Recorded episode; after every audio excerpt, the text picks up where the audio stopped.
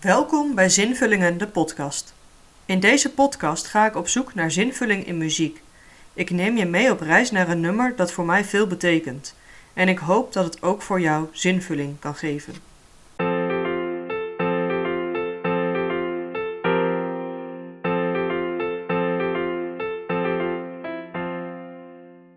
Vandaag neem ik jullie mee naar het nummer Altijd weer licht van Martijn Buwalda.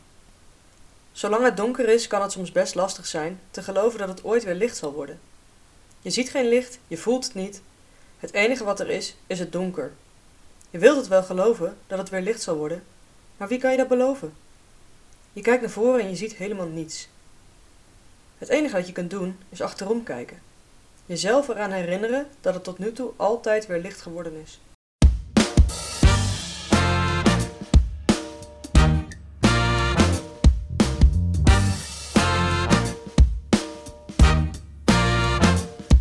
Weer zo'n kruispunt in mijn leven waar de lantaarnpaal kapot is.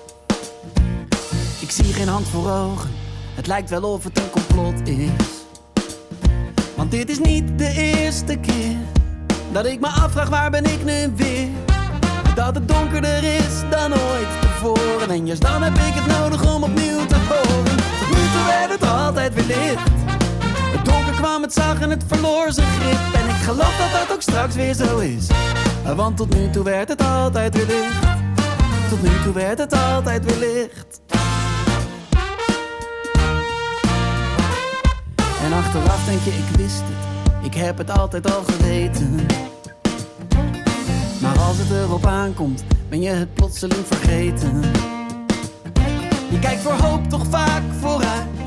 Maar in het verleden heeft ze ook een huis. Ze houdt zich schuil in je luistert en haar stem het... Het is soms best eng om hoop te hebben. Maar als je zou moeten kiezen, is de hoop op zichzelf dan niet al de moeite waard? Stel je hebt nooit hoop, dan word je ook nooit teleurgesteld. Geen pieken, maar ook geen dalen. Maar als je wel hoopt dat het ooit weer licht wordt, dan heb je de piek en ja, misschien daarna ook de dal van de teleurstelling. Gemiddeld genomen komt dat op hetzelfde neer. In beide gevallen wordt het waarschijnlijk ooit wel weer licht, of je nou hoopt of niet. Ik ben geneigd geen hoop te willen hebben, veel te bang voor de teleurstelling. Maar toch kom ik meestal uit op het punt van wel hoop hebben. Want op het moment zelf is de hoop, is het hebben van hoop, fijner dan geen hoop hebben. En wat daarna komt? Dat zie je dan wel weer. Misschien volgt de teleurstelling, maar het gevoel van hoop pakt niemand je meer af. En misschien is de wens hier wel de vader van een prachtige, een prachtige gedachte. Maar wat is er in hemelsnaam op tegen om het goede te verwachten?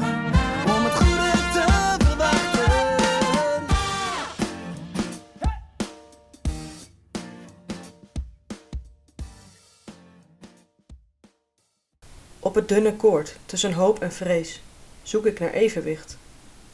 Verlangend naar een houvast als ik wankel en mijn blik op de diepte onder mij richt. De wind giert om mijn hoofd. Blijven staan. Te bang om te vallen, te bang om te gaan. Maar ik moet kiezen welke kant ik opga. Vrees lijkt zo dichtbij, hoewel ik in het midden sta. Aan de kant van hoop roept iemand mijn naam. Ik draai me om en loop. Ik zal doorgaan. De ene voet voor de ander. Blijven gaan.